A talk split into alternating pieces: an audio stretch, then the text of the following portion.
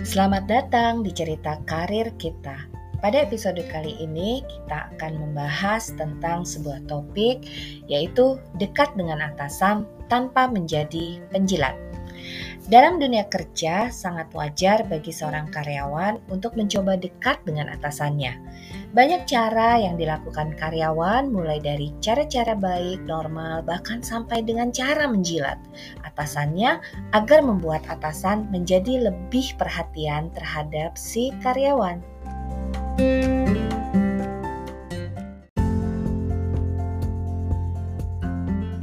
Menjilat atau dikenal sebagai penjilat, konotasinya tuh cukup negatif.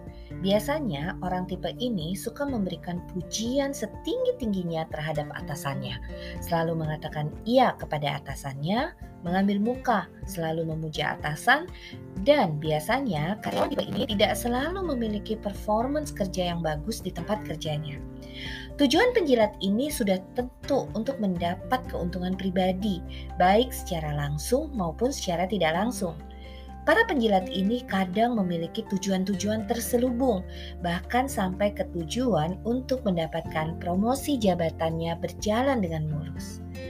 Well, jika memang performa kerja kita sebagai karyawan sudah bagus, maka sebenarnya tidak perlu menjadi seorang penjilat untuk menjadi dekat dengan atasannya. Ada beberapa cara yang bisa dilakukan karyawan untuk dekat dengan atasannya tanpa perlu menjadi seorang penjilat.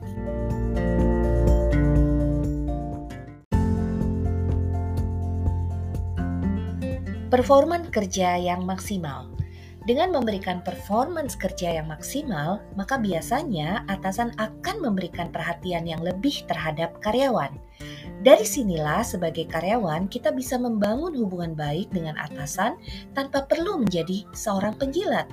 Atasan akan merasa puas dengan hasil kerja karyawan yang bisa memberikan performance kerja yang maksimal. Secara otomatis atasan juga akan tertarik dan menaruh perhatian terhadap karyawan yang berprestasi ini. Dari sinilah karyawan bisa menjalin hubungan yang berkualitas dengan atasannya.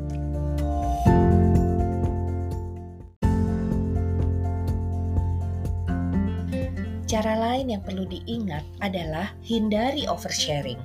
Ketika mendapat kesempatan berkomunikasi dengan atasan, tetap ingat untuk menghindari oversharing terhadap hal-hal yang tidak penting atau hal-hal yang tidak perlu diceritakan. Yang tetap perlu diingat, jangan sampai masalah pribadi tercampur dengan masalah pekerjaan.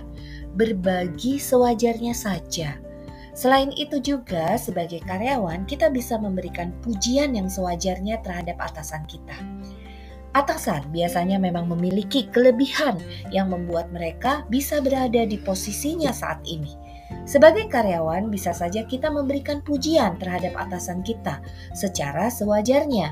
Misalnya, pada saat menerima arahan dari atasan, sebagai bentuk apresiasi, bisa saja kita menyelipkan sedikit pujian terhadap atasan kita.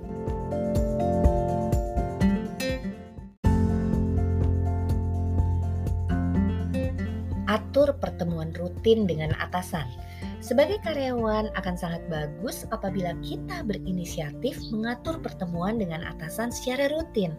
Sampaikan pada atasan bahwa kita ingin berdiskusi langsung sebagai karyawannya dan pergunakan kesempatan ini untuk menunjukkan ide-ide brilian kamu. Juga untuk memastikan bahwa sebagai karyawan kita nih masih berada di pemikiran dan strategi yang sama dengan atasan. Bagaimanapun juga atasan akan sangat senang senang memiliki karyawan yang bisa sejalan dengan visinya dan memiliki karyawan yang memiliki hubungan baik dengan dirinya. Hal penting yang harus kita ingat juga adalah atasan juga manusia. Ingatlah, kadang sungkan berdiskusi dengan atasan. Mereka terlihat begitu sibuk muka-muka profesional yang tidak bisa diganggu dengan kesibukannya. Walau begitu, mereka juga manusia. Mereka akan sangat senang jika mereka diperhatikan oleh karyawannya. Sebagai karyawan, kita bisa meluangkan waktu sebentar untuk menanyakan kabar atasan kita. Hai Bu, hai Pak, apa kabarnya? Bagaimana weekendnya Pak, Bu? Bagaimana kabar keluarga Bapak atau Ibu? Dan banyak lagi yang bisa kita sampaikan, kita tanyakan kepada atasan kita. Hal ini bukan untuk menjadi teman terbaik dari atasan, tetapi setidaknya kita sebagai karyawan bisa menunjukkan perhatian ke tingkat yang lebih pribadi untuk lebih mempererat hubungan dengan atasan kita.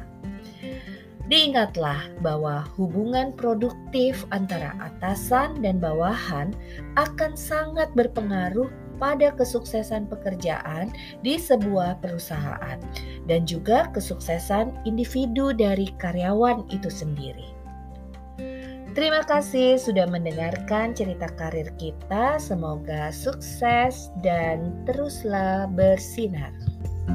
thank you